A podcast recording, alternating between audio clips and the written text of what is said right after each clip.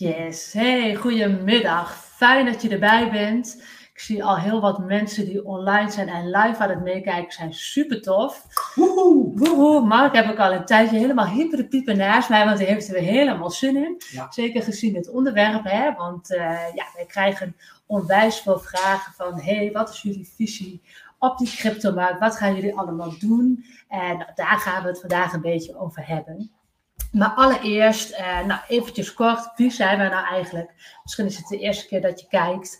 En uh, nou, leuk om ons misschien eventjes voor te stellen. Wij zijn Mark en Annemiek en wij zijn uh, ja, samen op weg naar een rijke leven. Hè?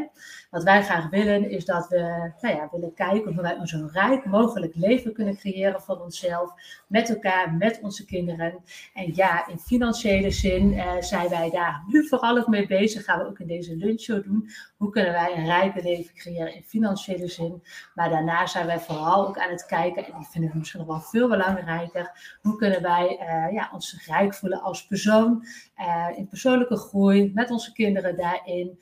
hoe kunnen we ons daar fijn voelen. En hoe kunnen we ook bijdragen ja, aan een rijkere wereld, aan een mooiere wereld. En wij denken dat dat ook via die blockchain-markt een hele mooie ingang daarvoor is. Ja, en vandaag gaan we het erover hebben en daar hebben we onwijs veel zin in. Uh, nou ja, uh, Annemiek zei het misschien al, hè, maar wij zijn een koppel, we, we, hebben een samengesteld gezin, we proberen echt te kijken hoe we zoveel mogelijk dat rijke leven kunnen omarmen. Dat we ook met onze kinderen mooie dingen kunnen gaan uh, doen. Nou, bijvoorbeeld volgende week, weet je, dan is het Pinksteren, geloof ik. Maken we geen lunchshow, dus nu zijn we er wel bij, met je volgende week niet. En vandaag gaan we het ja, vooral over Ethereum, over Bitcoin gaan we het hebben.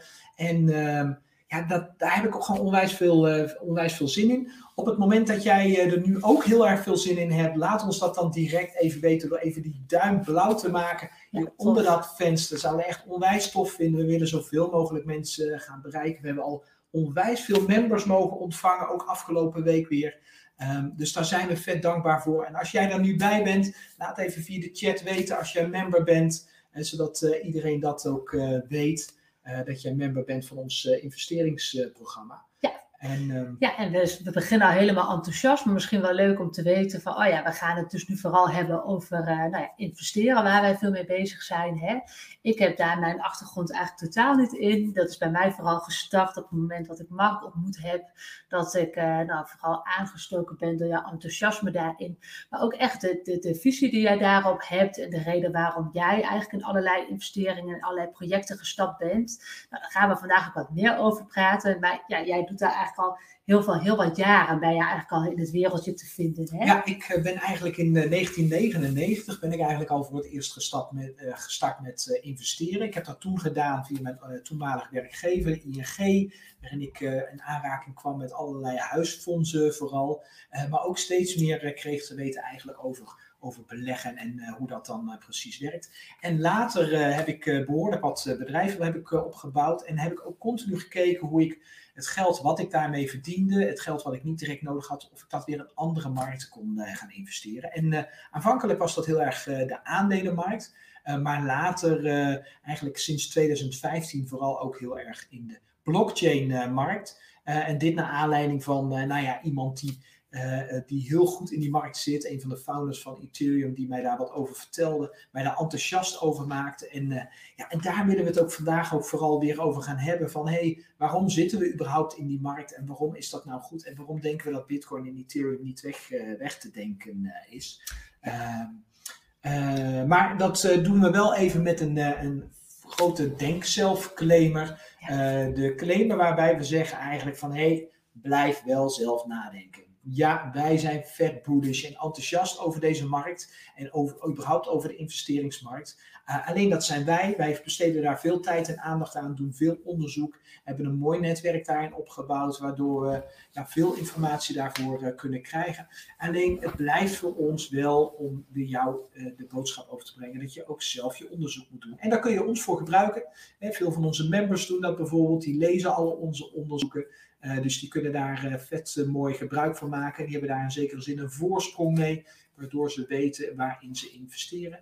Ehm, en jij kunt dat nu doen bijvoorbeeld door nou ja, nu lekker mee te luisteren naar ons en onze visie te horen. Ja, wat goed te delen is dat we geen financieel adviseur zijn. Ik zei al, mijn achtergrond ligt daar sowieso minder in. En ondanks dat jij daar heel veel in gedaan hebt, ben jij geen financieel adviseur. Ja. Dus goed om zelf je beslissingen daarin te maken. Ja, precies. maar goed, waar gaan we het vandaag over hebben? Je hebt het net al een beetje genoemd, hè?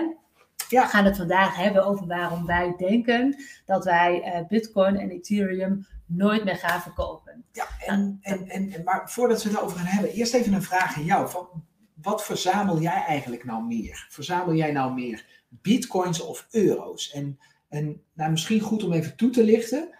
Weet je, je kunt zeggen van, hé, hey, ik zit in die markt puur voor de investeringen. En ik wil daar rendement mee gaan maken. En met dat rendement krijg ik uiteindelijk meer geld. Maar hoe kijk je daar nou? Wat voor meer geld? Vergelijk je dat dan met euro's? Dus hoeveel euro's je meer daardoor gecreëerd hebt? Of hoeveel bitcoins? En laat dat nou eens even via de chat achter. Vinden we echt onwijs leuk om uh, een beetje te weten. Kunnen we ook een beetje een polletje van, uh, van maken. Dus laat dat ondertussen even, even weten. Ja. Uh, sorry, want ik onderbrak jou. Nee, het was klaar. Het, het ga, ik wilde inderdaad vertellen waar we het vandaag over gaan hebben. En dat is inderdaad over die Bitcoin en Ethereum. Uh, ja, waarom wij denken dat we dat nooit meer gaan verkopen. Hè? Daar, daar gaan we het vooral over hebben. Ja. En leuk daarbij inderdaad, uh, nou, laat weten hoe jij daarover denkt. Uh, maar ook mocht je nu aan het live meekijken zijn, nou, laat anders even weten wat je verwacht te horen in deze lunchshow vandaag. Dan kunnen we dat er ook in meenemen, hopelijk. Ja. Dan kunnen we daar nog mooi antwoord op geven. Ja, Pieter die geeft mooi aan, net begonnen. Dus nu nog uh, ja, vooral euro's aan het verzamelen daarin of daar in ieder geval op gefocust. Cool Pieter, leuk, leuk dat je erbij bent ook. ja. ja, heel tof. Likas, die zegt beide. Ja, mooi. Hm. Ja, ja dus, dus zowel Bitcoin, Bitcoin als natuurlijk. euro's. Bitcoin, Richard, ja precies. Ja, het begonnen. Kijk, en dat is ook een mooie. Hè? Ik denk dat dat ook de meerwaarde kan zijn van met elkaar in zo'n lunchshow praten. Uh, zeker als je net begonnen bent, dan is mijn ervaring in ieder geval dat er nogal veel informatie te vinden is. En dat het ook nogal veel ontdekken kan zijn. Het is mooi ook om inderdaad je eerst eens even onder te dompelen waar je überhaupt in investeert. Ja, het gaat uh, NECA ook uh, beide inderdaad. 50-50, steeds meer Bitcoin en Ethereum. Hey Vincent, leuk dat je er weer bij bent ook. Top, ja. Ja, ehm, Miranda zegt, me net begonnen. Doel is om eerder te kunnen stoppen met werken. Ik hoop over zes tot acht jaar. Nou, dat zou helemaal top zijn, Miranda. En leuk dat je gestart bent. Ja. Ja, ik spaar geen euro's, maar altcoins. Ook een hele mooie meisje. Daar gaan we het ook nog eens even over hebben vandaag, inderdaad. Uh, bitcoin, misschien op termijn wel deels omzetten. Investeren in vastgoed, zodra de markt daar weer aantrekkelijker is. Ja. Mooi. En mooi veel, om te spreiden uiteindelijk. Is sowieso ook een hele mooie. Klopt. ja. ja. Top, leuk om te horen. En dank ook voor jullie reacties. Hebben wij inderdaad een beetje een beeld van uh, nou, hoe iedereen erin zit en, uh, en waar je een beetje staat. Dus dat vinden we sowieso een hele leuke. Ja, en misschien mooi om mee te beginnen, hè? want we hebben een bepaalde visie daarop van, hey, dat, nou, we denken dat we dat misschien wel nooit meer gaan verkopen. Maar hoe is dat eigenlijk ontstaan? Hè? Misschien is het mooi om daar eens eventjes naar terug te gaan. Ja. Um, ja, een stukje historie. Ja, ja eigenlijk. Uh, en dan een stukje historie eigenlijk feitelijk over Bitcoin en Ethereum. Van waarom is dat nou eigenlijk ontstaan en waarom hebben we dat nou en waarom is dat nou zo belangrijk en waarom worden daar nou zoveel rendementen in gemaakt? En ik denk dat dat een vraag is die veel mensen overslaan. Hè? Veel mensen gaan er maar van uit dat je er rendementen in kunt maken. Maar zoals wij veel vaker zeggen, er kan alleen maar rendement gemaakt worden wanneer er ook waardecreatie is. Dus wanneer je een toegevoegde waarde hebt, een toegevoegde waarde hebt op een gedeelte van de wereld, of misschien wel de hele wereld, zoals Bitcoin en Ethereum, dan is het iets waard. Dus, ehm, en, ehm, eh, en, en natuurlijk moeten daar dan voldoende mensen in geloven en voldoende mensen daadwerkelijk een investering in hebben, uh, in uh, doen. Alleen, ja, waarom is het ontstaan? En dat is eigenlijk heel mooi. Dan ga ik even terug naar 2008, 2009, voor iedereen die dat nog weet. We hadden toen een flinke financiële crisis. We hadden uh, de bankencrisis hadden we toen. We hadden de overhedencrisis. We hadden de onroerend goed crisis. En die hadden eigenlijk allemaal met elkaar te maken. En Bitcoin is in die tijd ontstaan. Uh, niet zozeer als techniek, want de techniek die bestond al. Alleen Bitcoin is toen voor het eerst succesvol ontstaan omdat toen mensen het zat waren. Met name met de bankenwereld, waarin er allemaal producten gemaakt werden die een enorme schade eigenlijk over de wereld heen eh, brachten, die er uiteindelijk voor gezorgd hebben dat er niet alleen een bankencrisis kwam, maar juist ook een onroerend goedcrisis en juist ook een, eh, een landencrisis, waardoor er gewoon veel te veel geld in de wereld uh, gepompt was, doordat er allemaal, ja, technisch gezien waren er allemaal substitutes voor producten gemaakt, nieuwe producten door banken gemaakt. Daarnaast werden er altijd enorme bonussen uitgekeerd naar die bankiers. En mensen waren daar een beetje klaar mee. En toen is er eigenlijk in, in een soort van, in, in, een soort van onder, underground zou je kunnen zeggen, een punkwereld, is er eigenlijk het idee ontstaan van hé, hey, wij willen gewoon iets alternatiefs. We willen gaan aandenken. En um, daar is eigenlijk Bitcoin uit ontstaan. En daar is dan ook het succes van Bitcoin uit ontstaan. Omdat veel mensen het op dat moment zat waren en nog steeds zijn overigens uh, is Bitcoin ontstaan. Waarom? Om eigenlijk te zeggen, hey, we willen een alternatief. We willen een alternatief voor het bankensysteem. We willen niet meer afhankelijk zijn wanneer we geld overmaken naar iemand, dat de bank daarover beslist hoeveel dat mag zijn. Dat overheden daar regels aan kunnen, kunnen leggen. En Bitcoin is in 2008, 2009 is die daaruit ontstaan, of 2009 is die daaruit ontstaan. En dat voorziet daadwerkelijk in een behoefte. Ethereum daarentegen Um, nou, waarom denken we sowieso dat Bitcoin daarom niet meer weg te denken is? Of trouwens, daar komen we zo nog wel op. Ethereum daarentegen is wat later ontstaan. Dus even uit mijn hoofd in 2014, 2015 is dat, uh, is dat ontstaan. Uh, eigenlijk als gevolg van dat iemand een whitepaper had uh, geschreven waarin hij voorzag dat er eigenlijk ehm, eh, niet zozeer een munt zoals Bitcoin gecreëerd moest worden, maar dat er eigenlijk een platform gecreëerd moest worden waar diezelfde aanbanking, dus dezelfde filosofie of de visie die Bitcoin eigenlijk had, dat die volgens Ethereum beter zou kunnen gaan werken. Hè? Volgens de schrijver van het de Ethereum whitepaper beter zou gaan werken. En wat hij heeft gemaakt is eigenlijk een blockchain ook, net zoals Bitcoin. Alleen die heeft hij net wat anders geprogrammeerd, waardoor je wat makkelijker contracten daar ook op kon gaan programmeren. Dus die heeft eigenlijk een platform gemaakt waar je relatief makkelijk weer andere applicaties op kunt gaan, uh, kunt gaan programmeren. En ook Ethereum was weer hetzelfde. Ook weer dat unbanking, echt die behoefte om die banken los te gaan laten, om een eigen netwerk te creëren, om eigen faciliteiten te creëren, waar niemand controle over heeft, behalve jij als tokenhouder, als eigenaar van dat, uh, van dat adres. En um, waarom is dit nou zo belangrijk om te weten? Waarom zeggen we dit? Nou, omdat daar de kern van de waarde ligt. En dat zien we nu nog steeds terug. En dat heeft ook weer te maken waarom wij denken dat Bitcoin en Ethereum uiteindelijk ja, nu al niet meer weg te denken zijn. En dat wij dus ook eigenlijk zeggen, ja, we gaan onze coins gaan we daar nooit meer uit verkopen. Die gaan we daar nooit meer uit uh, weghalen. Want dan zoom ik even door naar 2017. 2017, 2016, 2017, voor iedereen die daarin zat. Uh, die weet dat nog wel, toen, ging Bitcoin keihard omhoog en Ethereum ging ook keihard omhoog. En Ethereum bestond toen pas een twee jaar, hè, toen uh, pas twee, drie jaar. Um, maar er werden al heel veel dingen werden erop geprogrammeerd. Maar ook heel veel scam-projecten werden erop gepro geprogrammeerd. En uh, scam-projecten zijn gewoon eigenlijk ja, websites uh, althans, die uiten zich in websites waar zogenaamd een team op staat, maar dat team bestaat niet werkelijk. En ze doen net alsof ze wat, uh, wat doen. En als gevolg daarvan, van die onvolwassenheid in die markt, is daarna Bitcoin en ook Ethereum is keihard naar beneden gedonderd. 85% daling van, uh, van Bitcoin maar liefst.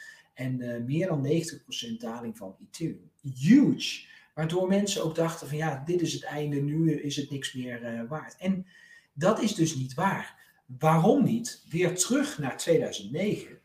Dezelfde behoefte die er toen was, die is er nu nog steeds. Sterker nog, die behoefte is veel groter geworden, juist omdat we nu ondertussen weten, of wisten we eigenlijk al heel snel, in 2010, 2011 wisten we dat al, dat de bankenwereld er in ieder geval niks van geleerd heeft van de fouten die ze gemaakt hebben, van de problemen waar ze de wereld in gebracht hebben. En dat sindsdien de problemen eigenlijk alleen maar groter zijn geworden.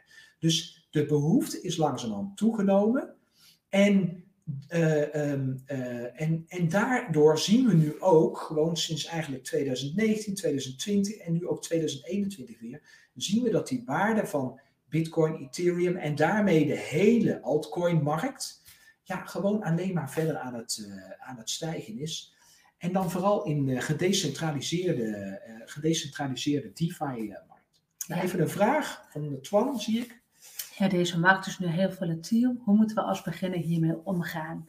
Ja, een mooie vraag. En het is precies wat je zegt. Dat, dat kan uh, zeker als beginner uh, echt even wennen zijn hoe daarmee om te gaan. En ik denk dat, dat het heel fijn is om, om dit soort lunchshows te kijken, maar je vooral erin te gaan verdiepen en inderdaad je te realiseren dat de cryptomarkt inderdaad een hele volatiele markt is. Dus dat betekent om hele mooie rendementen te kunnen pakken.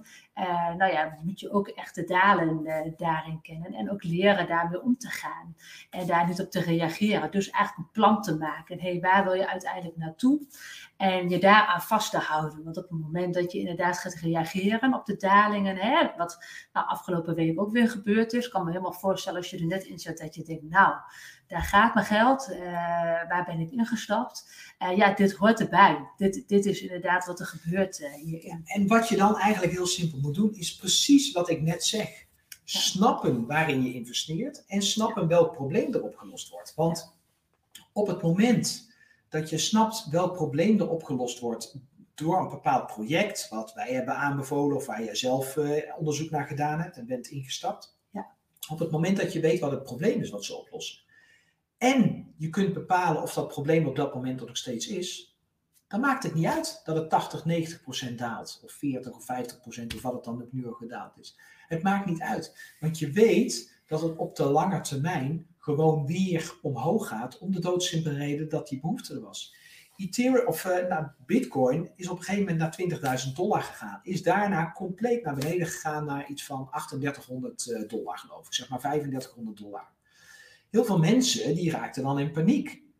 Waarom? Vooral die mensen die niet begrepen waarin ze investeren. Wat het probleem is wat Bitcoin oplost. Voor iedereen die dat wel begreep, die ging toen nog meer investeren in Bitcoin. Juist toen die zo laag stond. Omdat zij snapte op dat moment al, op het moment dat hij 20.000 dollar staat, maar ook op het moment dat hij 3500 dollar stond, begrepen zij dat Bitcoin gewoon makkelijk straks weer naar 60.000 dollar zou gaan. En wat hebben we gezien?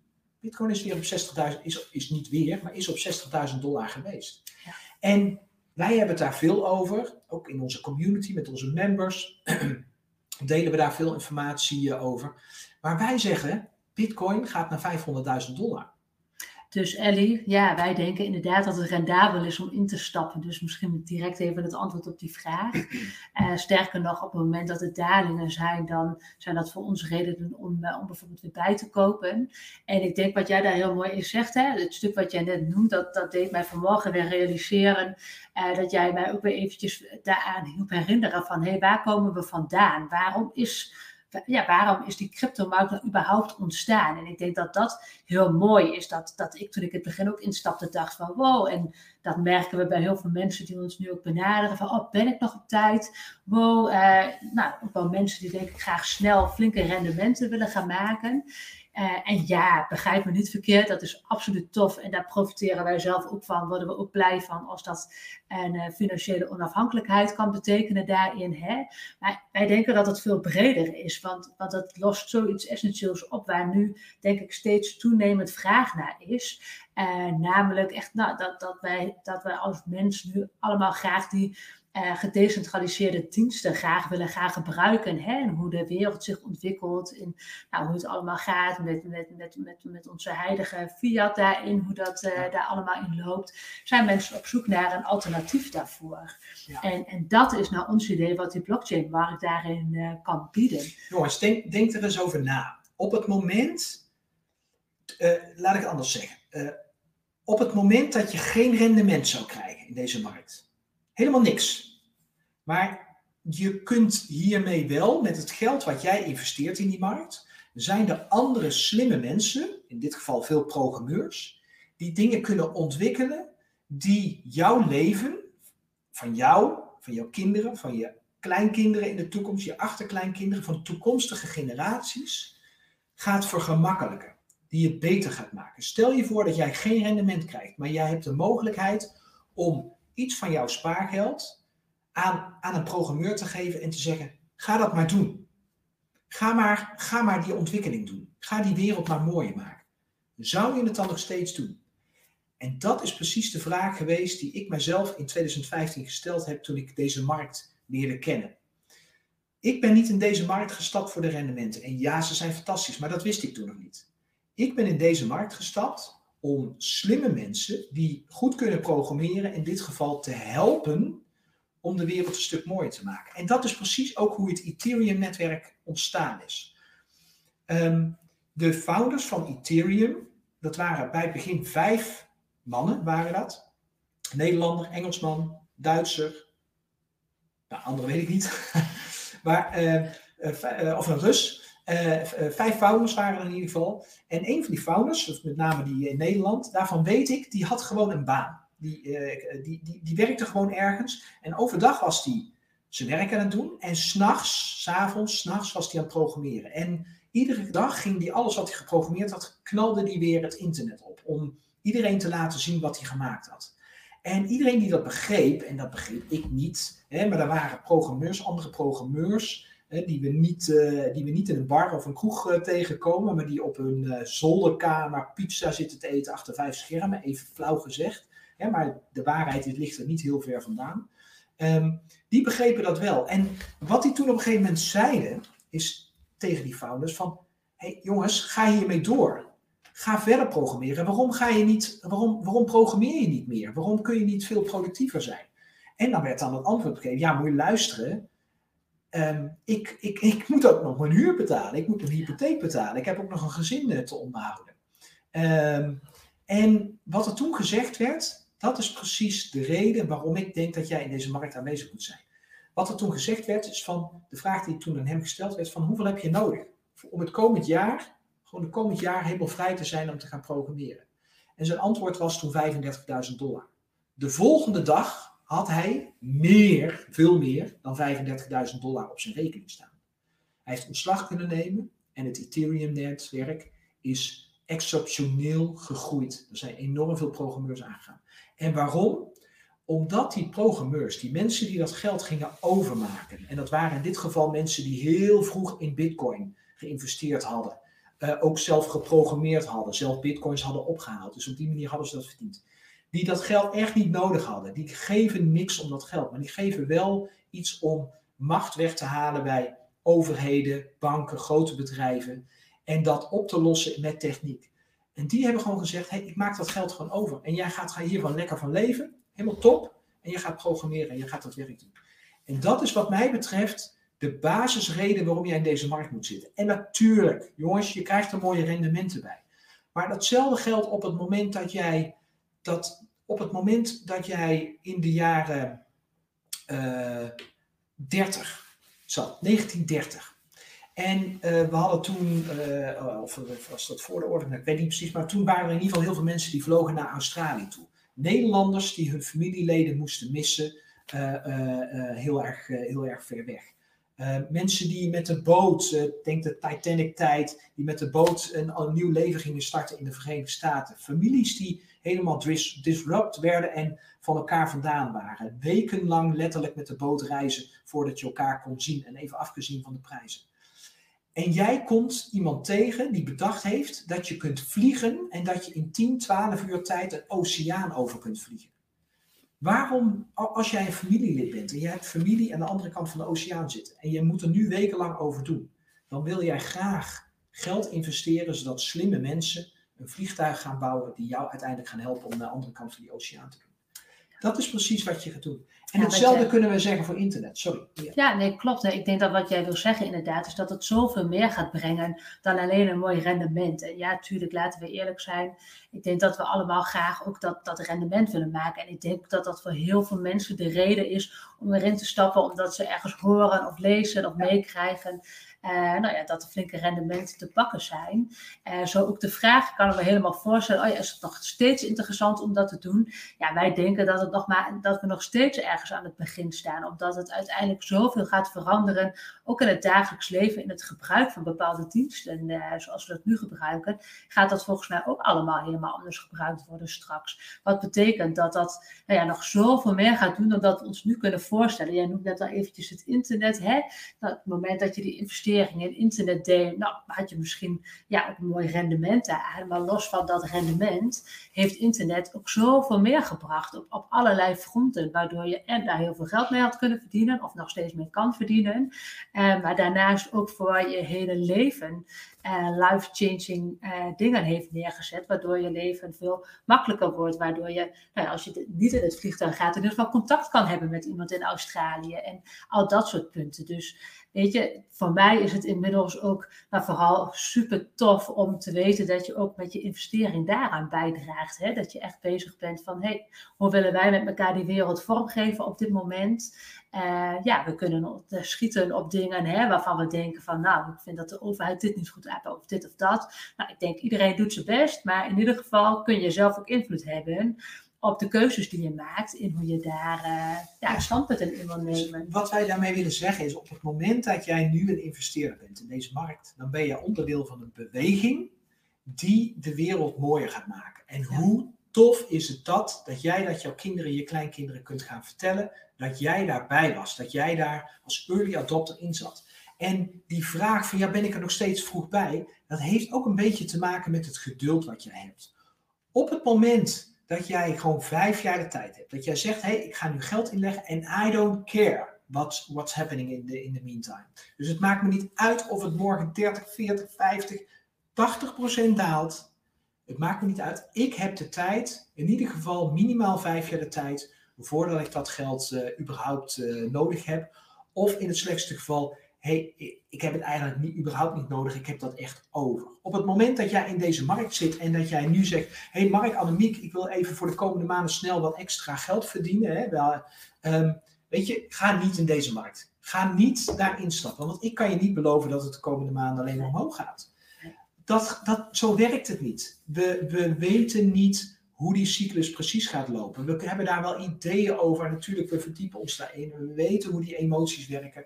En het kan zo zijn dat die cyclus aan het einde van dit jaar of aan het einde van het volgend jaar, uh, dat deze tijdelijke uh, harde stijging in ieder geval, dat die, dat, die, dat die tijdelijk in een periode komt van dalingen of dat het een beetje gelijk blijft. Weet je, Bitcoin doet dat nu al twee maanden lang. Bitcoin is al twee maanden lang eerst gelijk gebleven en is nu aan het dalen.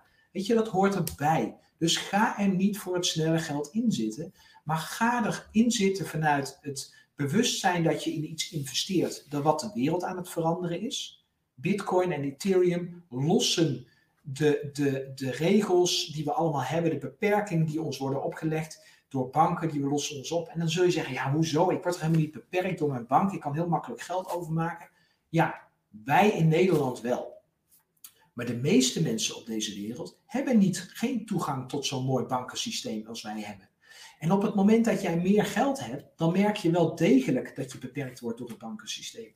Als jij al meer dan 25.000 euro wil overmaken naar iemand in een ander land, dan zit daar een behoorlijke hiccup op. Waaronder dat jou, de, een van de hiccups is dat, jij, dat jouw telefoon gaat en dat jouw bankje belt waarom jij 25.000 euro ergens gaat overmaken. hey, hallo, mijn geld, wat maakt jou dat uit? Nou, allemaal regels, en dat snap ik allemaal waar banken zich aan moeten houden, overheidsregels. Maar dat is niet waar je tegenaan wil lopen. Caroline, als ik de naam goed heb gezien, zou daar inderdaad ook wat moois over. Die uh, kon zich in ieder geval in vinden, inderdaad, dankjewel. Die zegt inderdaad, dat is ook mijn intentie om in de bitcoins te stappen. Omdat deze technologie veel eerlijker en gelijkwaardiger is op de lange termijn dan het huidige bankensysteem. En ik nou, vind het mooi dat je dat inderdaad ook, ook noemt, want ik denk dat dat ook best wel lastig kan zijn. Soms om, nou ja, wij noemen het wel eens uitzoomen. Hè? Ik bedoel, soms in het dagelijks leven gebeurt er van alles. Je hebt dat soms niet eens direct in de gaten, wat voor een impact het banksysteem heeft op de dingen die wij dagelijks daarin doen. Ja. Uh, maar als je het inderdaad meer gaat bekijken, een stukje in de, in de geschiedenis duikt, hè, wat jij net hebt gedaan, wat je net hebt verteld, dan uh, ja, denken wij dat het daadwerkelijk echt een groot verschil uh, daarin gaat maken. Ja, precies. Ja. Pieter stelt een hele ja. mooie vraag die wij heel veel krijgen het laatste Zeker tijd. afgelopen week. Ik weet niet of die ook vormgegeven is inderdaad door, de, door de tweets van Elon Musk. Daar hadden we het ook nog even over. natuurlijk afgelopen week ook een beetje gaan. Jongens, mag ik daar meteen wat over zeggen? Elon Musk is geen specialist in de cryptocurrency of blockchain markt. Hè? Elon Musk is specialist in het zorgen dat hij zoveel mogelijk in het nieuws komt. Dat er zoveel mogelijk aan zijn brand gewerkt wordt. Dus dat is even een, een side-tak, een persoonlijke notitie voor mijzelf. op zijn tweets en alles wat hij daarvoor zegt. Dus neem dat even mee in de, wat is de reden waarom iemand bepaalde tweets plaatst. Maar in ieder geval wel een hele goede vraag. En ehm, ja, daar kunnen we best wel een mooi antwoord op geven. Want Pieter, ehm, en alle andere mensen die die vraag hebben, wij zien juist dat feit dat Bitcoin heel veel energie slurpt, dat daar juist hele mooie dingen in gebeuren. Want A, je kunt alleen maar geld verdienen met Bitcoin minen op het moment dat je zorgt dat je energiekosten zo laag mogelijk zijn. En een van de manieren om te zorgen dat energiekosten zo laag mogelijk zijn, is om zoveel mogelijk gebruik te maken van de natuurlijke energie die op de wereld aanwezig is dus je hebt bijvoorbeeld ook in uh, Nederlander, heb je een, uh, ik ben zijn naam even kwijt, maar een Nederlandse miner heb je. Die heeft, die, die heeft, is daar een prachtig voorbeeld heeft hij daarvan. Die heeft volgens mij in Canada op dit moment in de natuur, heeft die containers staan waar allemaal computers in staan. En waarom heeft hij die in Canada staan? Omdat die computers daar op een natuurlijke manier geventileerd worden. Die staan gewoon buiten, letterlijk buiten. Hij heeft op die containers, die, die, die daken, je moet maar eens kijken op internet, heeft die daken gaan omhoog, daar zitten zonnepanelen zitten erop. En daar worden die bitcoins onder andere gemined. Op het moment dat jij bitcoins gaat minen met kolen of dat soort energie, dan ga je niet redden. Het is veel te duur. Dus je moet gebruik maken van natuurlijke... Uh, Mark van de Gijs doet dat. Mark van de Gijs, ja precies. Dankjewel inderdaad. Ja. En, um, um, en hij doet dat uh, top. Dus Mark van der Gijs zegt ook, en ik deel die mening absoluut, juist doordat er een, een spanningsveld zit tussen dat je, dat je de kosten echt moet drukken voor, energie, voor, voor het minen van de kosten. Dus de energiekosten zijn de hoogste kosten. Die kosten moet je drukken. Ehm, en het feit dat je dat met natuurlijk, vooral met natuurlijke, uh, dus watervallen, uh, uh, zonne-energie, dat je daarvoor, daarvoor kunt gebruiken, dat juist de, de development, dus de ontwikkeling in die energiemarkt om goedkope energie te ontwikkelen, dat die veel sneller gaat.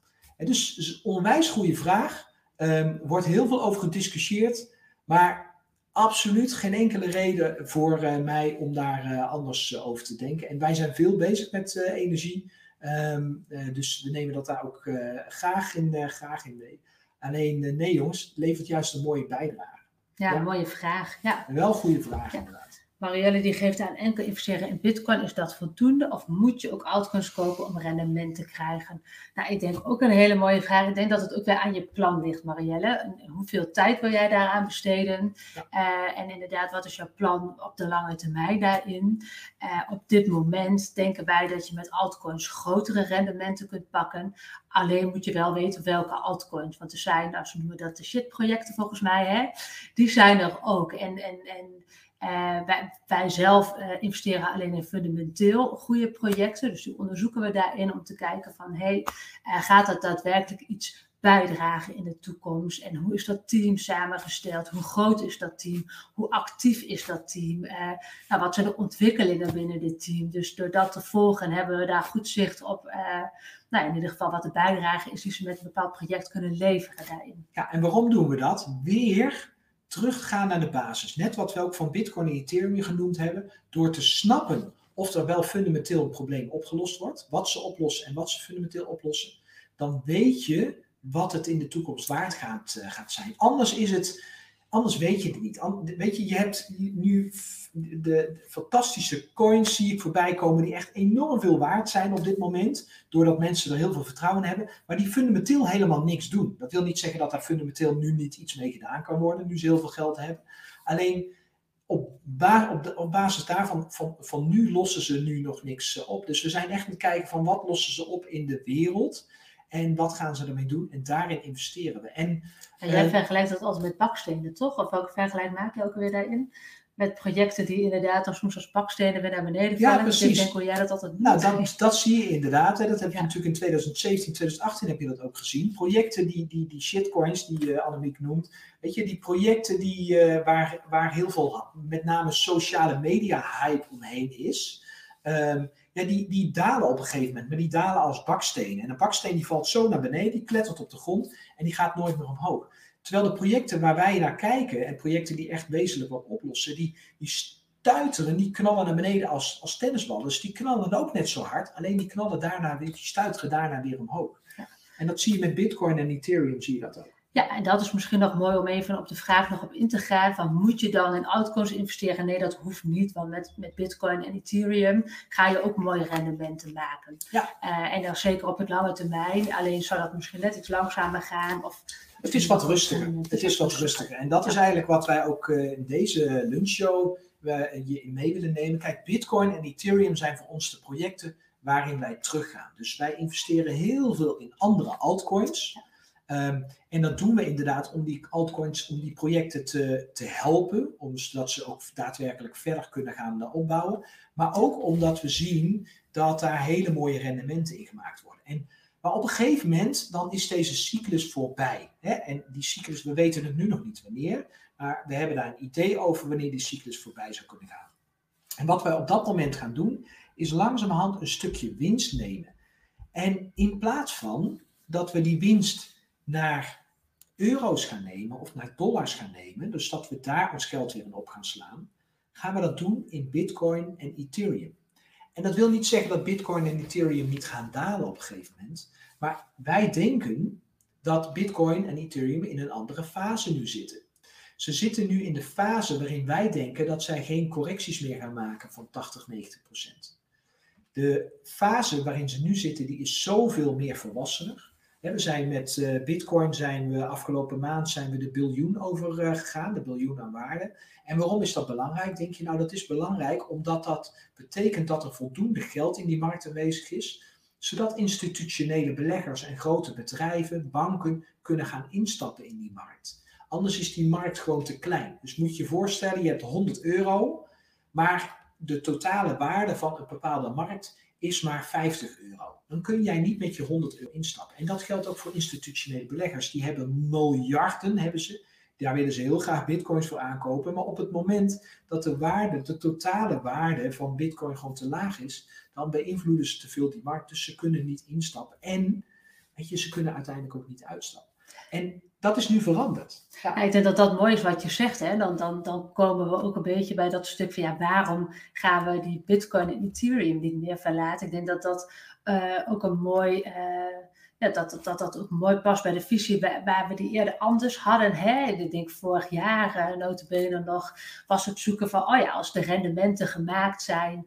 Uh, we hebben een mooi rendement gemaakt uh, binnen die altcoins, met bitcoin bijvoorbeeld. Nou, waar gaan we het dan neerzetten om het eigenlijk weer, ja, je, je, je inkomsten te beschermen eigenlijk als het ware. Hè? Dat het daar mooi kan blijven staan en veilig kan blijven staan. Nou, toen keken we eigenlijk naar goud en zilver en dat soort plekken. Toen ook wel aangekocht om dat al een beetje te ontdekken maar dat eigenlijk nu helder is voor ons van nee, we, zetten het dan in Bitcoin bijvoorbeeld of in Ethereum. En daar laten we het staan, want we verwachten dat de waarde dan veel stabieler blijft dan wanneer we het bijvoorbeeld in goud gaan zetten. Ja, en daarmee zeggen we niet dat je niet in goud moet investeren of in zilver. Wij hebben in ieder geval 1% van ons totale vermogen hebben wij geïnvesteerd in, eh, in goud en zilver. Uh, alleen uh, Vorig jaar, als je dat ons toen gevraagd had, hadden we gezegd dat we 10% daarin geïnvesteerd uh, hadden. En, of wilden hebben. En waarom is die visie veranderd? Nou, goud had het het afgelopen jaren, afgelopen twee jaar, had het het eigenlijk moeten doen. Zeker toen er heel veel geld bij geprint werd in de wereld. En er is heel veel geld bij geprint. Dan verdwijnt eigenlijk het vertrouwen in het monetaire systeem, in, in, het, in het geldsysteem. En vanuit de oudheid bekeken is dan de manier om weer terug te gaan, om een reset te maken, hè, waar we ook vaak uh, over hebben, een great reset te maken, is weer terug te gaan naar goud en daarmee eigenlijk weer een nieuw geldsysteem op te gaan bouwen. En, en we hebben dat wel heel even gezien, maar we zien dat dat niet doorgaat, terwijl we dat wel zien doorgaan in Bitcoin en Ethereum. En dat is ook logisch, want van goud weten we ook in de historie dat dat ook wel eens afgenomen kon worden. In de Verenigde Staten was er op een gegeven moment was er een verbod om privé goud te hebben. Je moest je goud tegen een vooraf vastgelegde uh, uh, aankoopprijs van de overheid, moest je dat verkopen aan de overheid. En uh, nou, die aankoopprijs was sowieso veel, veel lager natuurlijk. Maar ook dat gaf maar weer aan, je mocht dat dus niet hebben. Ze kunnen het afpakken. En dan kom je weer terug bij Bitcoin. Bitcoin kunnen ze niet afpakken. Bitcoin is geprogrammeerd. Jij hebt toegang tot de key. Hè, mits jij een goede veilige wallet gebruikt, zoals een Ledger wallet die wij, een hardware wallet die wij gebruiken. Ehm, als je dat daarin gebruikt, kan niemand er aankomen. Ze kunnen je dat niet afnemen. En dat is het verschil waarom wij denken dat eh, Bitcoin en Ethereum echt daadwerkelijk die projecten zijn waar je in uh, moet zitten. En als jij maandelijks wil inleggen, doe dat vooral. Nou, ik zie ook een vraag inderdaad, zag ik net ook voorbij komen, van wat vinden jullie van Cardano? Uh, is, die, is dat vergelijkbaar met Ethereum? Um, Cardano, die, die, die, die, die brengt, dat is een heel mooi project sowieso. Um, um, uh, maar goed om te weten is dat Cardano is niet te vergelijken met Ethereum. En waarom niet? Nou, net zoals dat Coca-Cola niet te vergelijken is met Pepsi-Cola. Coca-Cola was het eerste bedrijf wat cola ging produceren. Pepsi-Cola is een goede tweede en heel veel mensen kunnen daar ook de voorkeur aan hebben ten opzichte van Coca-Cola. Maar Coca-Cola is en blijft de grootste. Waarom? Omdat hij de eerste was. En datzelfde geldt voor Bitcoin en Ethereum.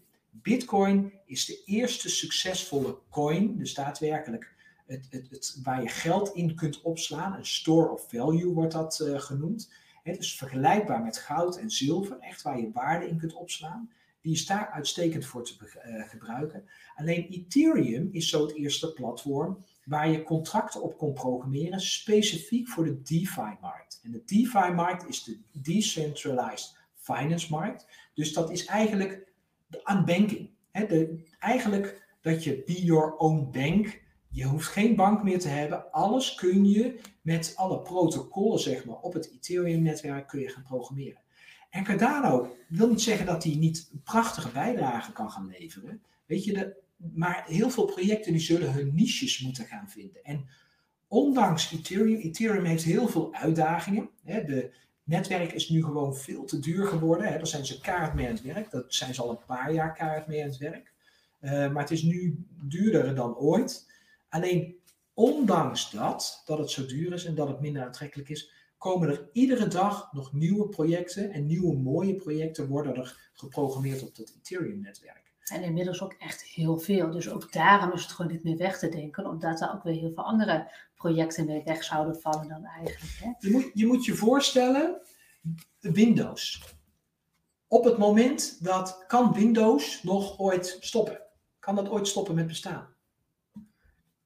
Als dat de impact voor het stoppen van Windows is enorm. Ja. Zoveel mensen die afhankelijk zijn en, en, en, en, en geprogrammeerd hebben op Windows, maar ook Windows daad, da, daadwerkelijk dagelijks gebruiken. Daarmee moet je het vergelijken.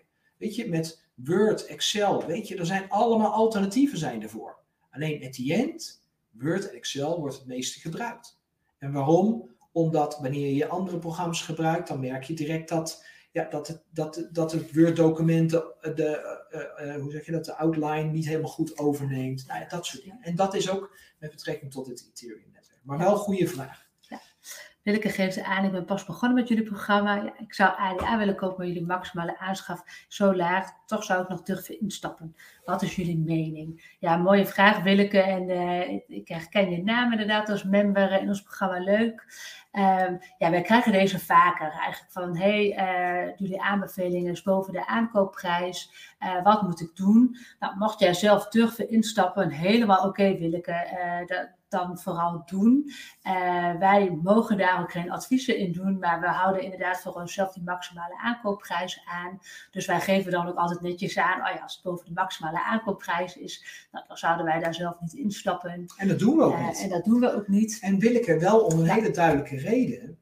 Er zijn weer andere projecten waar wij op dit moment ook mee bezig zijn, waar we onderzoek naar doen, waarvan wij verwachten dat jij beter je geld in kunt investeren. Want ja, in dit geval, dit project wat jij noemt, kan een fantastisch mooi rendement nog steeds gaan maken. Dat wil niet, dat, dat zeggen we ook niet. Alleen andere projecten verwachten wij veel hogere rendementen mee. Dus het is natuurlijk aan jou de keuze wat jij doet. Alleen dat is de reden waarom wij die maximale aankoopprijs hebben. Als jij er op een gegeven moment in zit met een bepaald bedrag, dan denken we ook dat het goed is om, daar, om dat verder, uh, verder niet te doen. Nou, in deze omgeving willen we ook niet te veel ingaan op projecten die wij via een besloten membersomgeving uh, doen. Dus voor iedereen die geen lid is, nou, jij weet nu een aanbeveling van ons. Um, maar die maximale aankoopprijs, uh, die, ja, die, die noemen we niet voor niks. soms zit het er gewoon boven, soms gaan we zelfs verkoop uh, gaan we aangeven dat we het gaan verkopen of een gedeelte gaan verkopen. Ja, en inderdaad, om op deze vraag ook in te gaan, worden die maximale aanschafprijzen voor altcoins nog aangepast in jullie programma? Ja, wij hebben geregeld dat we inderdaad een update eruit gooien, uh, waar we bijvoorbeeld de maximale aankoopprijzen inderdaad verhogen. Zoals dat volgens mij, nou, Ethereum is uh, ook, ook een aanbeveling bij ons, die is tijdje geleden hebben we die bijvoorbeeld ook verhoogd. Omdat ja. we weer ja, nieuwe ontwikkelingen zijn in de markt. Dan kunnen we beter zien waar alles naartoe gaat. Dat is dat wij nu durven te zeggen, nou wij denken echt dat wij daar nooit meer uit gaan stappen. En dat dat soort updates en ontwikkelingen delen we daarin ook altijd. Zo ook op het moment dat we denken, hé, hey, nou kan het ook nog een heel interessant rendement zijn bij een verhoogde aankoopprijs daarin. Ja, dus en wanneer doen we dat? Wanneer er fundamenteel wat verandert. Dus Bitcoin en Ethereum, daar hebben we de maximale aankoopprijs hebben we daarvan verhoogd. Uh, in uh, februari geloof ik al. En waarom? Omdat de markt was veranderd en daarvoor was voor ons het bewijs geleverd waarom wij nu ook zeggen we gaan daar niet meer uitstappen. Ja. En dat betekent dat de aankoopprijs ook inderdaad verhoogd kan, kan, kan worden. Ja, dat klopt. Ja. Uh, nu zeggen, Bitcoin komt toch ook nog met een nieuwe laag, waarop beter DeFi-projecten ontwikkeld kunnen worden. Wat is dan nog de toegevaarde van Ethereum? Of is er plek voor allebei, denken jullie? Ja, ik denk dat het mooi ingaat op het stukje wat je net eigenlijk al noemde. Hè? Ja, Bitcoin heeft al een aantal jaren geleden, dus in 2017, hebben ze al Light Network uh, hebben ze, hebben ze een, een, ge, geprogrammeerd. En dat is al een laag op het Bitcoin-netwerk. Je kunt dat herkennen aan de verschillende adressen die je op een Bitcoin-adres uh, kunt, kunt hebben. En dat werkt al veel, veel sneller. Dus um, alleen Bitcoin is in basis, Bitcoin zelf is een store of, of value. Dus we zien vooral, en dat is mijn verwachting, is dat we vooral gaan zien dat overheden en banken die zelf een stablecoin willen gaan, gaan creëren. Hè. Er zijn heel veel banken en landen zijn daar nu mee bezig. Om eigenlijk bijvoorbeeld de euro, om daar een stablecoin van te gaan creëren. Waardoor we straks allemaal onze bankrekening in de blockchain hebben. Alleen dat is geen decentrale blockchain, hè, dus pas op. Alleen waar, waar gaan ze dat aan koppelen? Um, als we een Great Reset moeten hebben, dus een geld van het monetaire geld, uh, dan moesten we dat in het verleden gingen we dat koppelen aan goud. En nu zie je dat banken en overheden uh, aan het kijken zijn of ze dat kunnen koppelen aan Bitcoin. Bitcoin zelf is niet snel te verhandelen, maar een altcoin gekoppeld aan Bitcoin kan dat wel. Die kan dan gebruik maken van een subnetwerk, waaronder het Lightning-netwerk, wat al op, uh, op, uh, op Bitcoin draait. Ondanks dat, want het bestaat al sinds 2017, ondanks dat zie je met name op het Ethereum-netwerk dat de decentrale banken daar juist komen. Dus daar komen juist de banken en verzekeraars overigens ook, of eigenlijk allerlei financiële producten van lenen, van, van uitlenen of zelf lenen. Uh, van, van geld, rente ontvangen. We zien vooral dat op het Ethereum-netwerk echt de vrije banken geprogrammeerd worden. Dus anders gezegd, goede vraag, maar we zien daar verschillende functies die daarin in ontstaan. En ik denk aanvullend daarop, uh, is misschien ook even een zijtakje, maar ik denk dat wat gewoon nu ook gaande is, is dat bij heel veel mensen, niet alleen rondom banken, maar dat bij heel veel mensen echt die noodzaak uh, ja, stijgt naar uh, gedecentraliseerde diensten die aanwezig zijn, die geprogrammeerd zijn. En dan hebben we het over social media, hebben we natuurlijk vorige week in de lunch ook veel over gehad, hè, ja. van ja, mensen willen zich kunnen uitspreken, ook op het web, maar willen niet dat dat weer verwijderd wordt door een YouTube of iets dergelijks. Ja. Uh, je wil gewoon je post daarin kunnen plaatsen om ook met elkaar na te denken over allerlei ontwikkelingen die er in de wereld spelen. Je hebt geen zin dat alles wat jij opzoekt je weer terugkrijgt in advertising langs je mail uh, aan de zijlijn. Je wil liever niet misschien meer dat ze al jouw gegevens verzamelen en daardoor meer en meer en meer te weten komen van jou en daarop inspelen. En uh, nou, dat zijn voor ons in ieder geval ook dingen waar we mee bezig zijn. En je ja, ziet dus... dat dat steeds meer gaat groeien en dat dit ook die oplossing biedt.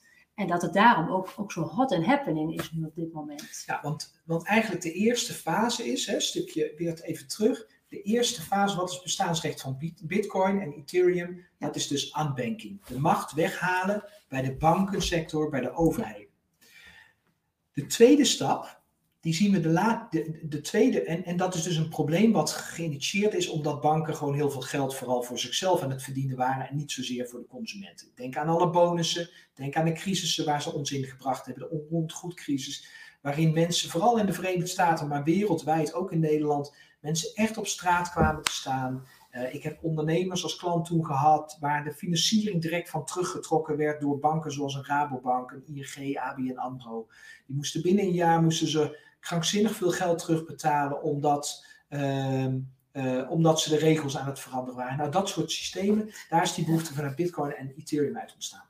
En wat nu gebeurt sinds een paar jaar, is dat sociale media is een, heeft een enorme vlucht genomen de afgelopen tien jaar in ons dagelijks gebruik. En daardoor um, uh, zijn, zijn we ook steeds meer tegen muren aangelopen. Er worden video's verwijderd van YouTube. Er worden Twitter-accounts worden verwijderd. Ik heb al vaker genoemd, en weet je, je kunt het er mee eens zijn of niet, maar de oud-president van de Verenigde Staten, zijn Twitter- en LinkedIn-account en alle sociale media-accounts zijn gewoon gedelete. En niet door hemzelf, uh, maar door, uh, door, door die platformen zelf. En je kunt het er niet mee eens zijn met wat hij allemaal zegt. En dat vind ik allemaal prima. Weet je, ik ben het met heel veel dingen ben ik het niet eens die hij zegt. Alleen het gaat wel om iets wezenlijks, een vrijheid van meningsuiting. En op het moment dat die behoefte niet meer kan voorzien worden, dan ga je naar alternatieven kijken. En dat is volgens ons de tweede stap waarom we in de komende jaren een enorme boom zullen gaan zien. Ook weer op, overigens op het Ethereum-netwerk, maar daar is ook weer plaats voor een Cardano en andere netwerken daarvoor. Is dat, we, dat, je, dat je op een ander sociaal netwerk gaat zitten. Een decentraal sociaal netwerk waar niemand anders dan jij toegang hebt tot alles wat je gedeeld hebt. En uh, wij hebben daarvoor ook een leuk nieuwtje. En wij willen jou, als jij daar nu in kijkt, primeurtje, hè? een primeurtje, uh, willen we jou ook uh, graag voor uitnodigen. We willen jou gaan uitnodigen om de stap te gaan maken om een decentraal platform te gaan gebruiken. Een, een platform waarbij jij jouw eigen sociale netwerk uh, hebt, waar, wij ook actief op zitten. Het is heel erg vergelijkbaar met Instagram eigenlijk, Twitter, Facebook. Het lijkt eigenlijk allemaal daar een beetje, beetje op. En dat is het, uh, het netwerk BitCloud. En op het moment dat jij al een blockchain investeerder bent en je hebt Bitcoin heb jij in bezit, dan kun jij ook meedoen aan dat BitCloud uh, account. Je moet een heel klein beetje 0,00004 uh, Bitcoin moet je daar uh, opstorten om daar gebruik van te kunnen maken. En wat je dan kunt doen is ons volgen. Maar je kunt ook lid worden van ons daar. Op het moment dat jij zegt van hé, hey, ik vind dat interessant. Ik wil inderdaad eens gaan kijken. Ik ga me inderdaad irriteren aan die sociale media platformen. Dat ze al mijn gegevens hebben. Ik wil een alternatief gaan zoeken. Ik vind het gewoon leuk. Of ik vind het leuk. Hè? Ik wil gewoon lekker nerden. Ga dan naar BitCloud.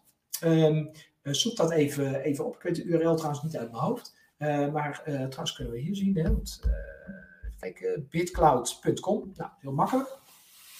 Ga naar bitcloud.com, maak daar een account aan, zoek ons op, Mark, laagstreepje Annemiek, of we hebben het hier ook onder staan, ja. um, en zoek ons daar op en ga dat eens gewoon ontdekken. En ja, daar zitten nog heel veel vrienden van jou niet op. Maar hoe meer mensen erop zitten, hoe leuker het wordt. Wij zitten er in ieder geval op. Wij gaan al onze members, die gaan wij een speciale video gaan we ervoor opnemen. Waarin we ze leren hoe ze daar lid van kunnen worden. Wij vinden het ook leuk als iedereen daar lid van wordt. Gaan we daar namelijk dagelijks kunnen we daar gewoon uh, lekker contact met elkaar uh, uh, gaan, gaan hebben.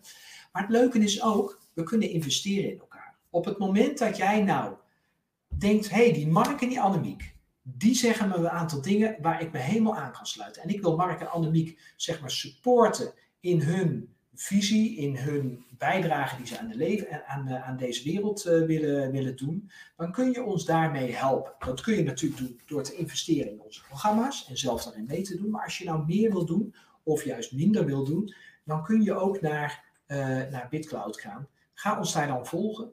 En koop daar onze coin. Je kunt daar, en dat ga je heel snel ontdekken, zodra je daar lid van bent, heb je je eigen coin direct uh, beschikbaar.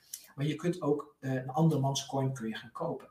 En de rendementen daarvoor, die zijn interessant. En we kunnen nog niet beloven dat dat nou, we zeggen niet dat het een aanbeveling is om daarin te investeren, maar ook hiervoor geldt weer, investeer in dit netwerk.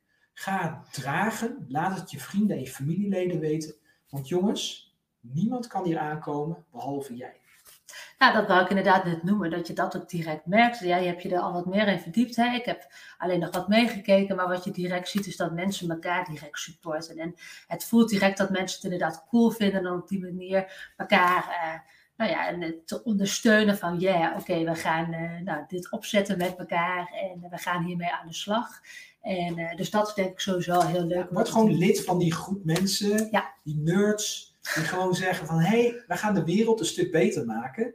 En fuck you, grote companies. Uh, wij kunnen het ook, wij gaan het gewoon zelf, zelf doen op een veilige manier. Nou, met het grote verschil dat van deze video op YouTube, YouTube daar beter van wordt, hoe meer likes, waar we nog steeds heel blij mee zijn, er daar opkomen, hoe, hoe beter YouTube daarvan wordt. Nou, uh, los van dat ze er misschien ook wat goede dingen mee doen, denken wij dat het heel cool is om inderdaad via andere platformen iedereen die zijn steentje aan het bijdragen is om uh, nou, met elkaar iets moois te creëren, om dat te gaan supporten, dat mensen daar rechtstreeks inderdaad uh, beter van gaan worden. Precies. Ja.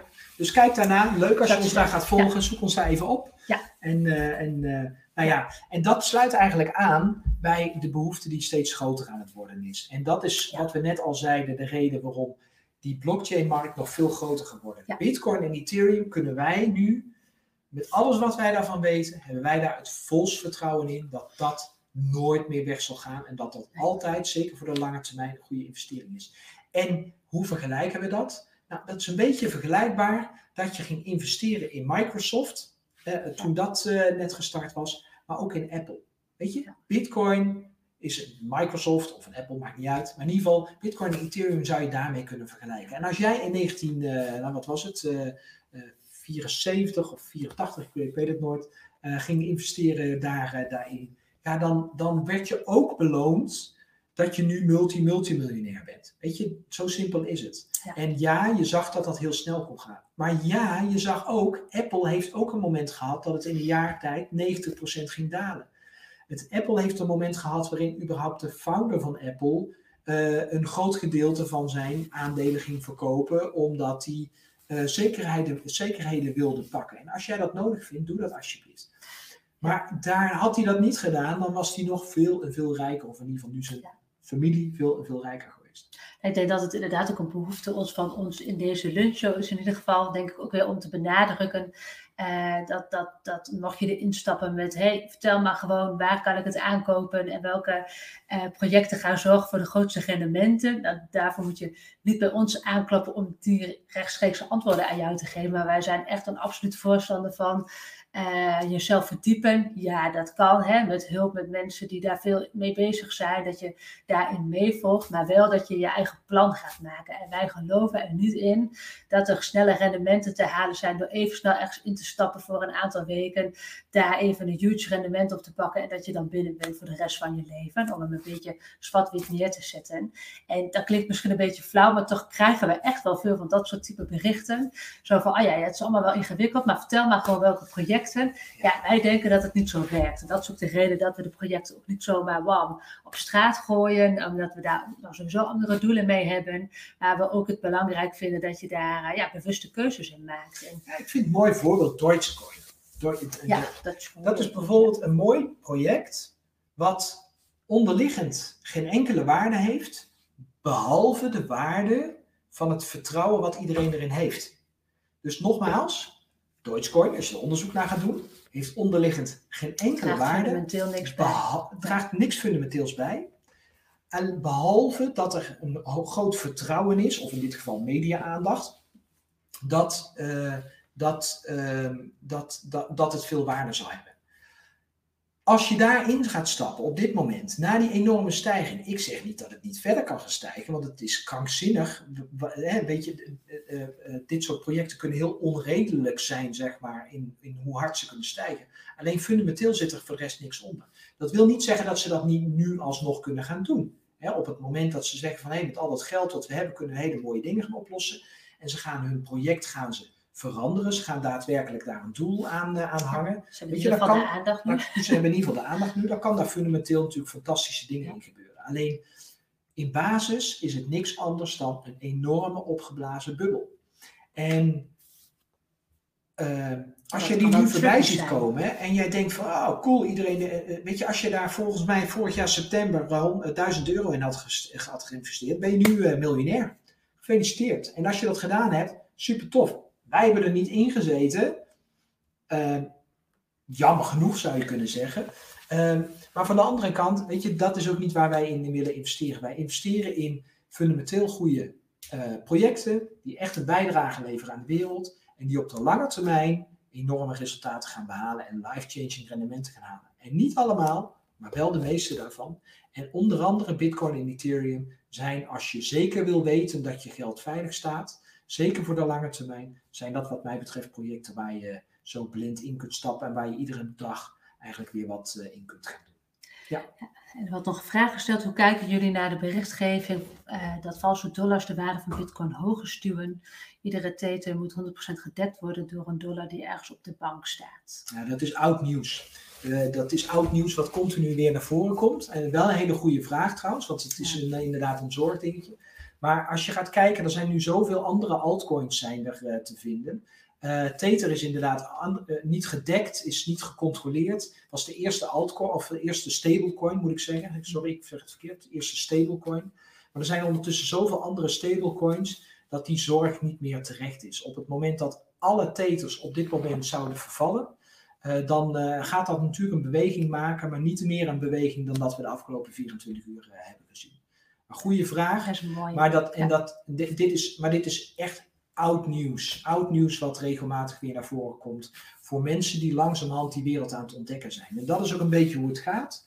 Ja, dat is ook waarom we dat even van Elon Musk toch noemen. Want ik, ik noemde het jou vanmorgen. Jij dacht ook, ja, dat is die Elon Musk weer. Maar ik denk wel dat dat is wat speelt. Als je net instapt en je leest dat soort tweets. Of je ziet bepaald nieuws voorbij komen, hè, zoals dit ook. Dan... Eh, ik kan me wel voorstellen dat je dat denkt, oh, wat voor wereld stap ik? En als hij dat zegt en mensen reageren daar ook op, hè, dat ze daar ook op reageren, daarop ja. anticiperen door weer gaan, te gaan verkopen en weer te gaan aankopen. Ja, en ik denk als, als dat gaat gebeuren, uh, dan is dit een markt waarin je heel veel geld kunt gaan verliezen. Ja. Uh, en daarom nou, zitten wij continu op dat plan te hameren en hey, ga je verdiepen. Hè? En natuurlijk omring je met mensen die er verstand van hebben en daar, daar kun je uh, ook in meegaan. Maar, maar ga dat, ook, ook, dat stukje spreiden, dat je bij meerdere mensen gaat kijken van hey, wat zeggen ze en wat houdt het nou eigenlijk allemaal in? En nou, in wat voor markt zit ik nou eigenlijk? Want ook zo'n Elon Musk met zijn berichten, ja, het, het, inmiddels is Bitcoin zo groot dat, dat, dat nou, dit, hij kan die markt niet manipuleren. Dat, dat kan al lang niet meer.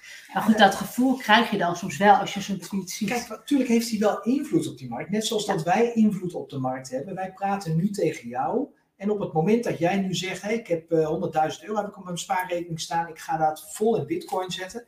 Weet je, dan, dan, dan maakt dat, wij maken de markt. Dus ja. Elon Musk, met alle invloed die hij heeft, het bereik wat hij heeft, maakt hij de markt. Alleen het is een klein gedeelte. De meeste mensen die in deze markt zitten, die stappen er niet meer uit. De meeste mensen die bitcoin hebben, en dat kunnen we ook online zien, de, de meeste bitcoins die staan allemaal, die staan niet op exchanges, uh, maar die staan in hardware wallets. En wat bedoelen we daarmee? Op het moment dat je het in een hardware wallet hebt staan, dan is dat eigenlijk vergelijkbaar dat je het geld in een kluis hebt staan. En geld wat je in een kluis hebt staan, ga je dat snel verkopen of aankopen? Nee, dat laat je daarin staan voor de lange termijn. Een heel klein percentage van alle bitcoins die beschikbaar zijn, die staan maar op exchanges. En alleen die worden dus ergens in de komende maanden, jaar, worden die nog een keer verhandeld. De rest staat gewoon vast voor een lange termijn. Ja. Ja. Ja, helemaal goed. Ja, nog een mooie vraag. Wat is jullie exit-strategie? Welke motor verkoop je en wanneer? Uh, goede vraag, ook een brede vraag, want die is ook niet eventjes in een uh, zin te vertellen. En misschien heb je het al wel een beetje kunnen proeven in hoe we dit ook aangeven. Dat uh, nou, wij nu zeggen, hey, wij denken dat we Bitcoin en Ethereum nou ja, nooit meer gaan verkopen. En zo volgen we continu ook de ontwikkelingen. En verschilt het per project waarin wij investeren, wanneer wij daar weer uitstappen. Uh, ik noemde net al eventjes, we kijken bijvoorbeeld naar veranderingen in dat project. Wat gebeurt er daar? Uh, verandert er in één keer iets essentieels binnen het team, wat, bijvoorbeeld aan het project werkt? Of is er iets nou ja, in de wereld gaande waardoor er iets in dat project verandert? Ja, dan zou dat kunnen, een reden kunnen zijn om weer te gaan verkopen of om een deel te gaan verkopen. Uh, dus dat, dat checken wij eigenlijk steeds. Dat houden we in de gaten. En op het moment dat dat zo is, nou, dan, dan gaan we inderdaad iets verkopen en dan zullen we dat ook, uh, nou, bij de members ook aangeven. Uh, maar zo werkt dat voor ons een beetje. En ja, er gebeurt gewoon heel veel in deze markt op dit moment. Dus wij volgen het heel nauwkeurig en aan de hand daarvan zitten wij continu te kijken, hey, past dit nog bij onze visie, ja of nee? Ja, oké, nou dan blijven we deze koers varen. Dan houden wij dit plan, hè, stick to your plan. Uh, maar veranderen echt fundamenteel dingen in bepaalde projecten, nou, dan gaan we daar aanpassingen in doen. Ja, in het begin dit jaar hebben we dat bijvoorbeeld gezien Hè? We hadden een uh, aanbeveling AION, kan ik zo ja. benoemen. AION, dat was een aanbeveling van 2 januari. Eind februari hebben wij, een, een, uh, hebben wij uh, al onze members laten weten dat we er 100% uit gingen stappen. En waarom? Omdat AION die heeft, had bepaalde veranderingen doorgevoerd ja. in hun visie. Zij wilden, eerst wilden zij een vergelijkbaar netwerk eigenlijk als Ethereum zijn, alleen al specifiek uh, voor, voor de Aziatische markt. Alleen zijn ze zijn daar helemaal compleet van afgestapt, om de doodsimpele reden dat ze daar niet in konden slagen. De concurrentie konden ze niet aan. En zijn een heel ander platform geworden. En daarmee verandert het fundamenteel voor ons zoveel dat we zeggen: ja, weet je, super tof wat jullie doen. Alleen dat is niet de reden waarom wij, hier, waarom wij dit aanbevolen hebben, waarom we hier ingestapt zijn. En dan zijn we er 100% uitgestapt. Dat wil niet zeggen dat dat niet daarna nog een rendement gemaakt heeft. Want volgens mij heeft AIO een hele mooie rendementen daarna, daarna gemaakt. Maar dat is een beetje zoals het in de, in, in, we noemen dat een beetje hoe dat gebeurt in het popcorn uh, season. In het popcorn season zie je eigenlijk dat alle projecten, ongeacht of ze nou fundamenteel goed zijn of niet, dat die omhoog uh, gaan. Maar dan kom ik weer uiteindelijk op, erop terug. Aan het einde van deze cyclus, van deze emotionele cyclus, dan gaat alles weer naar beneden. Sommige gaan 20, 30, 40, 50, 80 procent of zelfs 100 procent naar beneden. Sommige projecten zullen dus nooit meer terugkomen. Een AION dat zou kunnen zijn dat zij het niet gaan overleven op het moment dat de volgende cyclus voorbij is. Nou, aan al onze members laten wij eigenlijk continu weten wat wij doen en waarom wij het doen, zodat je ook zelf snapt welke actie je kunt gaan ondernemen en waarom je die actie kunt gaan uh, ondernemen, zodat je ook daar zelf over na kunt blijven denken. En misschien ook goed om daarbij te noemen, is niet helemaal de vraag, uh, denk ik ook daarin hoor, maar voor ons is ook niet het doel om de top te pakken en om, om precies op de top te verkopen. Simpelweg omdat het niet te voorspellen is wanneer je op die top bent. Dus het is inderdaad continu kijken van hé, hey, wat gebeurt er? Wat zijn de verwachtingen? En, en daar gaan we op anticiperen. Precies. Uh, en dan heb je nog steeds hele mooie rendementen. En natuurlijk, als je dan daarna nog een stuk doorstijgt, dan denk je wel even, oh jammer, had je erbij kunnen hebben. Maar hé, hey, je hebt wel een mooi rendement gepakt. Dus dat en, nou, om dan iets meer antwoord te geven. Kijk, wat wij wel verwachten is dat wij uit heel veel altcoins, daar zullen we in ieder geval gedeeltelijk, maar misschien wel helemaal uit gaan stappen en dat uiteindelijk gaan verkopen naar Bitcoin en Ethereum. En ook een gedeelte uh, wellicht uh, naar, naar euro's. Op het moment dat members van ons levensveranderende rendementen gemaakt hebben, waardoor ze bijvoorbeeld zeggen: hé, hey, ik kan de hypotheek van mijn huis kan ik gaan aflossen. Weet je, dan moet je dat vooral doen dan moet je dat misschien niet in Bitcoin of Ethereum laten staan. Maar als jij denkt van hé, hey, ik kan er daarmee zorgen dat ik de rest van mijn leven gewoon in een huis zit, wat voor mij is, waar niemand aan kan komen. Ik kan mijn hypotheek gaan aflossen. Ik heb nooit meer die zorgen van die lasten. Als ik geen werk heb, kan ik daar gewoon blijven wonen. En onafhankelijkheid van de overheid, dat is misschien een ander puntje, maar dat is er voor ons ook wel eentje. Dat we denken, hé, hey, fijn als je daar helemaal onafhankelijk van kan staan, door bijvoorbeeld zo'n set te kunnen doen. Precies verkoop dan. En verkoop het gewoon naar euro's of wat dan ook, zodat je je hypotheek kunt aflossen. Dus iedereen heeft daar zijn eigen visie in. De meeste altcoins, daar gaan we in ieder geval winst, flinke winst in pakken. De meeste altcoins gaan we in ieder geval onze inleg uithalen, zodat we lekker daarna gratis gaan, uh, kunnen gaan doorwerken. En de meeste altcoins, daar zullen we ook op een bepaald moment even, misschien tijdelijk, helemaal afscheid van gaan nemen. Omdat sommige altcoins inderdaad nog een daling kunnen gaan maken van 80 tot 90 procent. Maar Bitcoin en Ethereum, ik geloof dat dat geen grote daling meer gaat maken. Wel een daling van 30, 40, misschien wel 50 procent, maar niet meer van 80, 90 procent zoals we in de vorige cyclus gezien hebben. Ja, mooi. Misschien een mooie vraag ook in ieder geval. En misschien mooi om te noemen. Uh, jullie horen ons af toe praten over dat membership programma. Mocht je zeggen, hey, ik ben daar ook in geïnteresseerd of ik wil er meer over weten. Uh, dank zie ik nog mooi, dankjewel. Uh, je, je, kan je daarvoor aanmelden. Ik heb volgens mij de verkeerde eronder gezet. Ja, precies. Ga dan even naar extremegroei.nl slash start met investeren. Daar kun je dan in ieder geval meer informatie vinden en je eventueel aanmelden mocht je dat willen. En dan hebben we het dus over een programma waarin wij met jou delen welke aanbevelingen of welke projecten wij zelf aankopen. Dus die aanbevelingen delen we met jou. Betekent niet dat je daarin moet stappen, maar we ja, nemen je eigenlijk mee in wat wij doen. Dus wanneer wij daarin stappen, uh, tot aan welke aankoopprijs, maar ook wanneer wij daar weer uitstappen, uh, plus updates over uh, nou ja, een stukje visie van ons daarop en ontwikkelingen die er in de markt zijn. En daarnaast hebben we daar ook ruimte, nou ja, ook eigenlijk wat we nu ook een klein beetje aan het doen zijn, maar we houden daar ook Q&A. Zoals komende donderdag hebben we weer een Q&A, waarin de members dan ook allerlei vragen kunnen stellen, nou ja, rondom een stukje visie bijvoorbeeld daarin, of nou ja, bepaalde vragen waar ze tegenaan zijn gelopen, daar kunnen we dan lekker over praten. Ja, en we hebben daar nog steeds een enorme korting voor lopen. Ja, uh, dat is een programma wat we gaan aanbieden voor 3000 euro. Op dit moment kun je nog steeds instappen voor 750 euro. Ja. En omdat wij willen dat je spreiding ook aanbrengt in je portefeuille en dat we dat uh, willen dat je echt je ook verdiept dat niet alleen de blockchain-markt de beste markt is om in te stappen. Ja. Maar dat er ook meer is krijg je daar voor ons gratis tot het einde van het jaar het programma Amerikaanse uitschieters uh, bij. En in dat programma, daar helpen we je eigenlijk mee met aanbeveling in, nou ja, het woord zegt het al, Amerikaanse aandelenmarkt. Uh, zodat je ook op die manier leert kennen dat je dat je, je geld ook daar uh, goed in kunt investeren.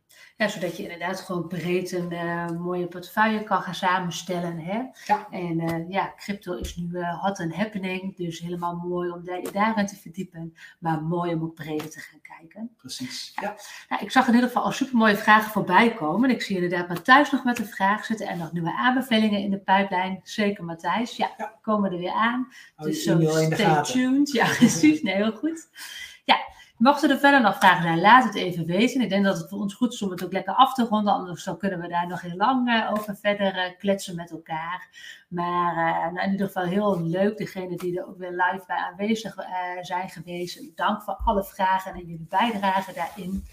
En uh, goed om te noemen, hè, volgende week is Pinksterweekend. Wij noemden het al, uh, voor ons is ook een rijke leven dat we op het moment dat de kinderen vrij zijn, dat we met onze kinderen kunnen zijn. Dat is onze bewuste keuze. Dus dat maakt dat wij volgende week maandag geen lunchshow gaan uitzenden hier.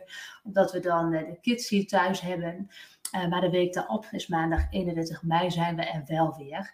Ja, en dan is dit denk ik toch een vraag die wij veel voorbij zien komen, waar mensen uh, nieuwsgierig naar zijn, denk ik. Hè? Maar wat voor projecten zijn goede projecten volgens jullie? En daar gaan we het dan over hebben. Dan gaan we er drie noemen, uh, waar we wat meer over zullen gaan vertellen. dus mocht je dat interessant vinden, en je hebt je nog niet geabonneerd op ons YouTube-kanaal, uh, doe dat dan nog even. Als je even de update wilt ontvangen wanneer we weer live gaan, kun je eventjes op het uh, belletje klikken.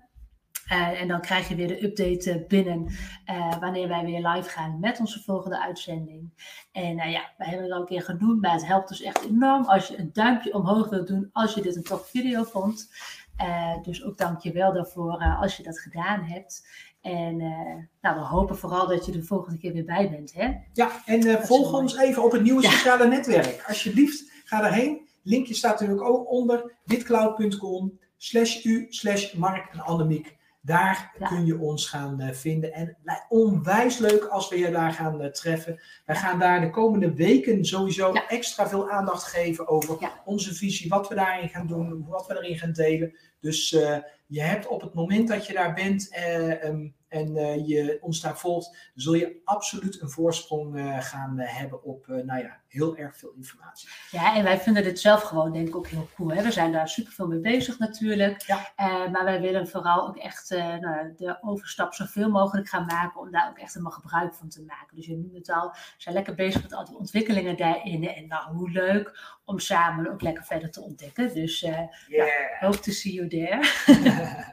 Precies. Uh, ja, leuk Pippo. Dankjewel dat je erbij was. Ook heel erg bedankt. En uh, ja, we gaan hem lekker afronden. Mocht je via de podcast geluisterd hebben, uh, ook superleuk. Um, ook leuk als je volgende keer daar weer bij bent of terug wil kijken. Marielle, ook dankjewel. Superleuk dat jullie erbij waren.